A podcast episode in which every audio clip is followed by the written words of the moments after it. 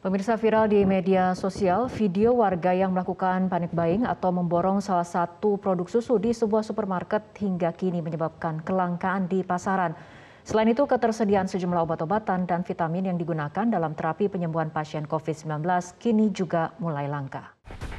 Pada awal PPKM darurat viral di media sosial video yang menunjukkan kejadian panik buying salah satu produk susu di sebuah supermarket tampak sejumlah pengunjung supermarket berebut untuk mendapatkan produk susu tersebut. Selain itu disebutkan saat ini warga sulit menemukan produk tersebut di pasaran. Diduga hal itu terjadi lantaran anggapan susu tersebut memiliki khasiat untuk membantu meningkatkan imunitas tubuh sehingga baik dikonsumsi terutama untuk pasien COVID-19. Melihat fenomena tersebut, dokter asal University of Maryland, Amerika Serikat, Fahem Yunus pun turut memberikan tanggapannya. Dalam cuitannya, Dr. Yunus mengatakan produk susu tidak memiliki peran dalam pengobatan COVID-19. Dr. Yunus pun memberikan tips kepada masyarakat Indonesia agar terhindar dari penularan COVID-19. Ia menganjurkan masyarakat menggunakan masker, mencuci tangan, tidak berkontak fisik, dan lakukan vaksinasi. Selain produk susu sterilisasi, keberadaan obat antiparasit atau obat ivermectin saat ini juga langka di pasaran. Obat ini sebelumnya disebut dapat digunakan sebagai obat terapi bagi pasien COVID-19 dan saat ini tengah dalam tahap uji klinis. Dari pantauan sejumlah apotik yang ada di kawasan Bandung Barat, Jawa Barat, ketersediaan obat ivermectin langka. Menurut pengakuan salah satu karyawan apotik, kondisi tersebut telah terjadi beberapa hari.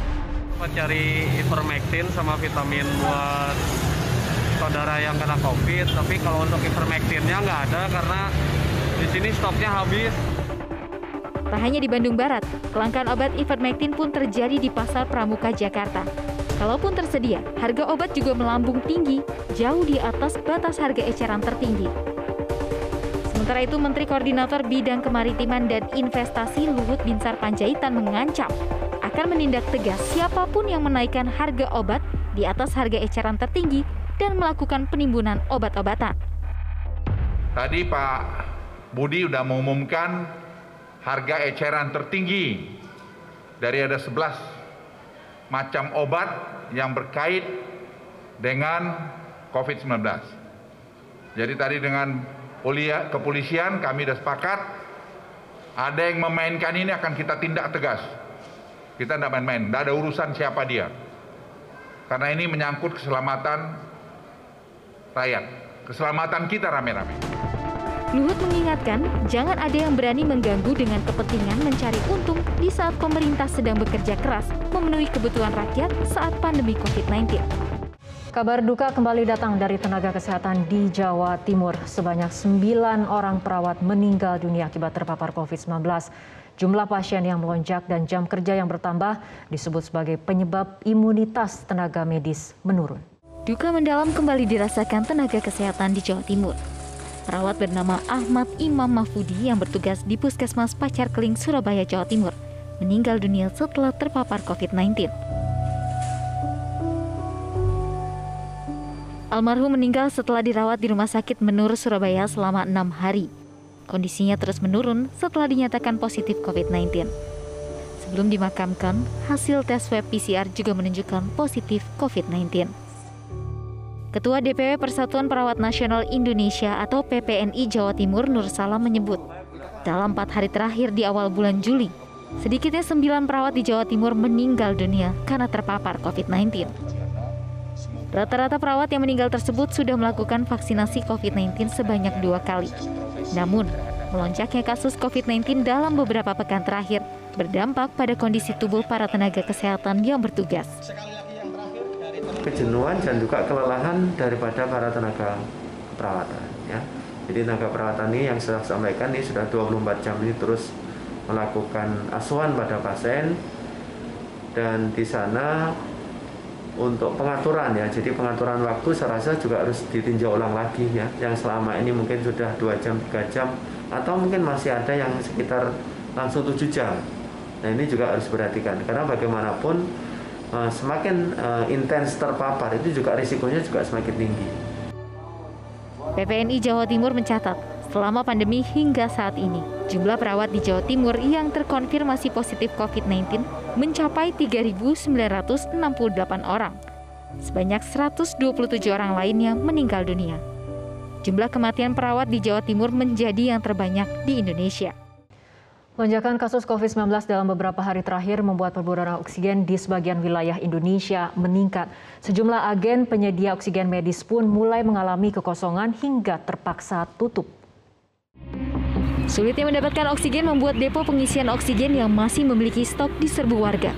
Seperti yang terjadi di depo pengisian oksigen yang berlokasi di Jalan Hasim Asari, Cipondo, Tangerang, Banten. Mereka rela antri hingga berjam-jam dengan membariskan tabung kosong untuk mendapatkan oksigen karena kebutuhan yang mendesak. Kelangkaan oksigen yang terjadi di depo pengisian di kota Tangerang terjadi karena pabrik mulai membatasi pasokan. Namun permintaan yang datang dari perorangan maupun puskesmas meningkat seiring lonjakan angka kasus COVID-19. Di Karanganyar, Jawa Tengah, permintaan oksigen naik drastis. Sejumlah distributor mengaku kewalahan memasok oksigen untuk kebutuhan penanganan pasien COVID-19. Jika pada hari biasa permintaan oksigen hanya berkisar 6 ton selama tiga hari, saat ini melonjak hingga 30 ton oksigen dalam kurun waktu sehari saja. Tingginya lonjakan permintaan ini membuat operasional pabrik bekerja hingga pukul 3 pagi. Kondisi ini berlangsung sejak sebulan terakhir, hingga membuat banyak karyawan mengalami kelelahan. Sementara itu di DKI Jakarta setelah mengalami kelangkaan tabung oksigen, kini giliran permintaan isi ulang gas oksigen meningkat sejak penerapan PPKM darurat. Warga rela mengantre isi ulang tabung oksigen meski mengalami kenaikan harga sekitar Rp3.000 hingga Rp5.000 untuk kebutuhan tabung oksigen sejak adanya lonjakan kasus COVID-19 di Indonesia, khususnya pada Juni 2021 mengalami lonjakan yang cukup signifikan. Jika di hari biasa untuk pembelian tabung oksigen maupun juga isi ulang hanya di angka 100 per hari, namun sejak dalam beberapa hari terakhir isi ulang tabung oksigen ini meningkat yakni hampir 300 per harinya. Dari aparat juga mengatakan bahwa untuk tidak ada penimbunan dan juga kenaikan harga tabung oksigen. Puluhan kendaraan mengantre imbas penutupan jalan yang dilakukan di masa PPKM darurat Salah satunya di perbatasan Depok dan Jakarta, tepatnya di Jalan Lenteng Agung. Untuk mengetahui informasi selengkapnya, kita sudah terhubung langsung bersama Glory Nata dari Lenteng Agung, Jakarta Selatan. Glory, apakah masih terjadi kemacetan kendaraan hingga saat ini?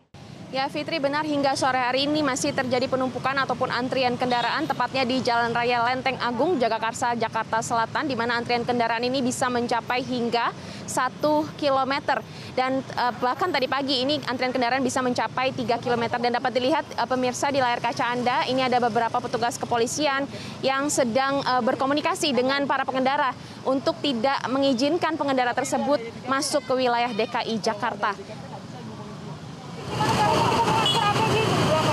mau nggak mau cari jalan lain bu. Mohon izin untuk sekarang hanya nakes dokter dengan ya kesehatan yang lain baru bisa lewat. Kecuali ibu bawa ID card. Silakan ibu. Maju aja ibu.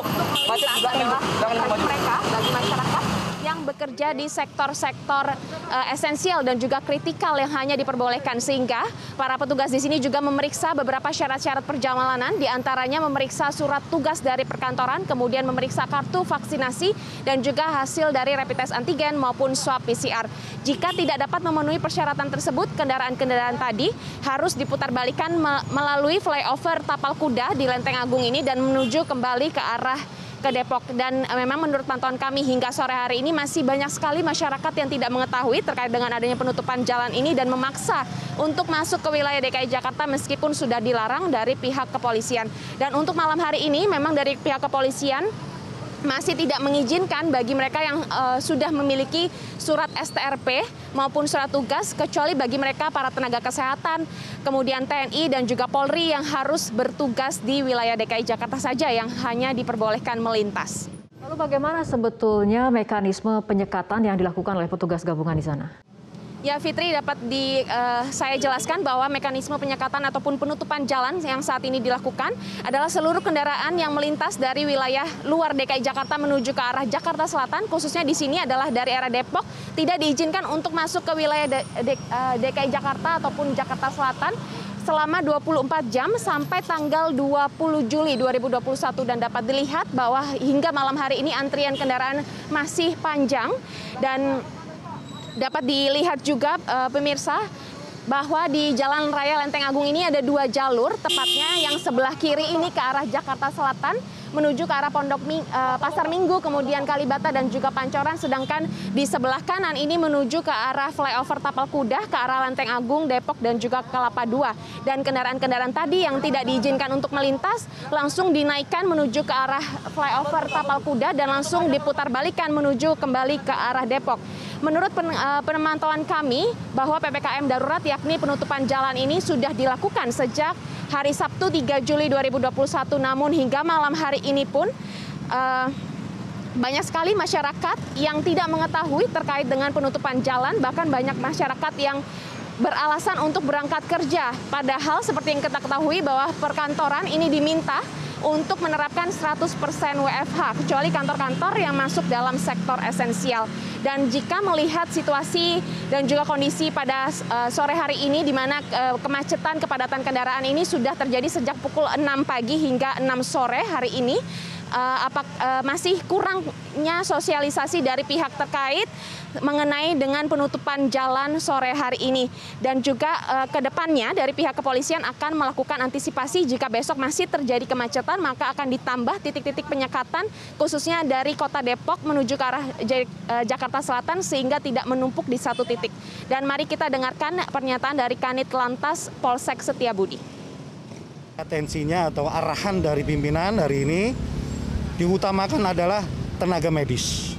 Tenaga medis, masyarakat yang sedang ke rumah sakit atau mengantar obat ke rumah sakit atau dan sebagainya, pokoknya yang berkaitan dengan kesehatan, kita berikan untuk bisa lewat. STRP belum diperbolehkan untuk melintas.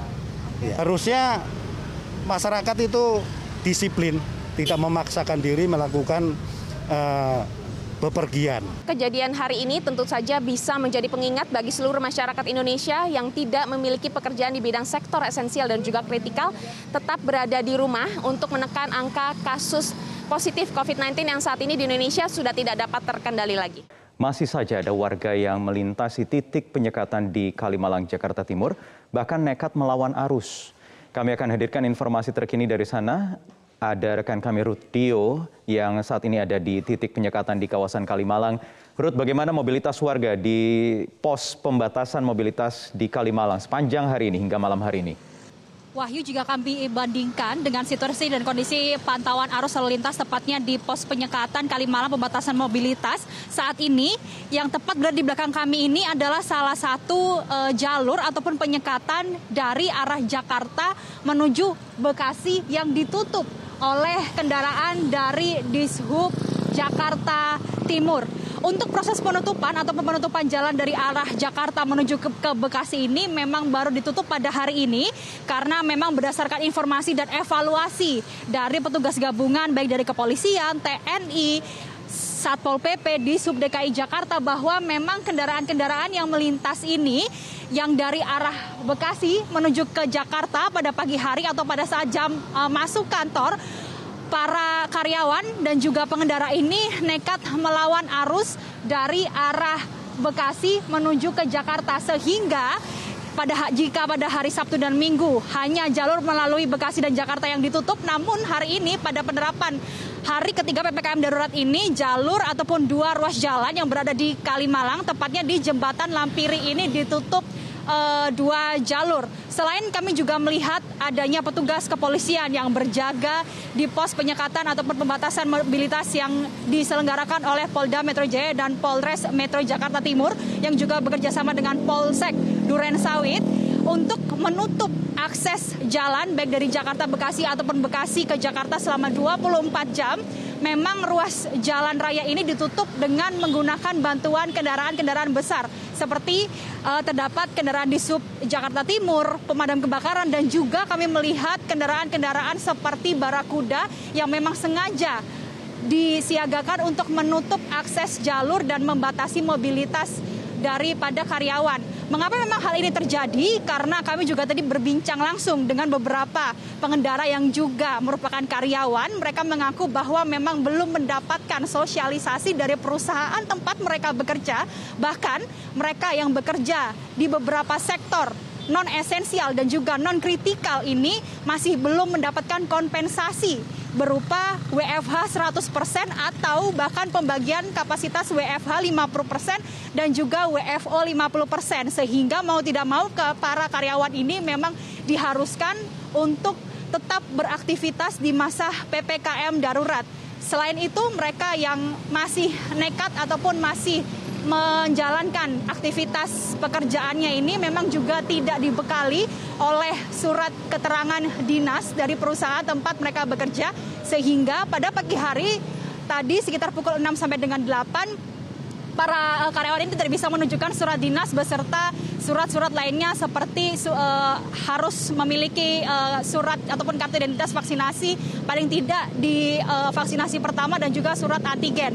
Selain itu juga pada saat jam pulang kantor ataupun saat ini memang dari jalur menuju dari Jakarta menuju masuk ke Bekasi ini memang tidak diperiksa uh, terkait beberapa dokumen-dokumen pendukung seperti pada saat jam berangkat kantor sehingga pihak petugas gabungan ini membantu para pengendara ataupun karyawan yang akan pulang ataupun kembali ke Bekasi dengan menunjukkan jalur alternatif untuk menuju ke Bekasi. Kementerian Kesehatan telah membuka layanan konsultasi kesehatan virtual atau telemedis bagi pasien COVID-19 yang tengah menjalani isolasi mandiri. Layanan ini menggandeng 11 platform telemedis di Indonesia. Menteri Kesehatan Budi Gunadi Sadikin menyatakan layanan telemedis bersifat gratis termasuk pasien akan mendapatkan obat dan vitamin sesuai gejala yang dialami. Melalui layanan telemedis ini, pasien COVID-19 dapat melakukan screening awal untuk menentukan apakah mengalami gejala sedang atau berat. Dengan telemedis, pasien tidak perlu berkunjung ke rumah sakit dan dapat berkonsultasi kesehatan jarak jauh. Seluruh warga bisa mendapat akses telemedis gratis dari kerjasama antara Kementerian, Kementerian Kesehatan dengan 11 platform dengan terlebih dahulu melakukan tes COVID-19 di laboratorium yang sudah terafiliasi dengan Kementerian Kesehatan. Teman-teman kalau sudah uh, memahami bahwa di atas 95 saturasi tidak sesak, tidak komorbid, mesti isolasi di rumah, kami sangat memahami bahwa teman-teman kita itu butuh konsultasi. Butuh ketenangan bahwa diperhatikan dan tahu bahwa mereka menerima pengobatan yang benar. Untuk itulah kita melakukan layanan telemedicine. Karena kalau sekarang harus datang ke rumah sakit konsultasi dengan dokter akan susah.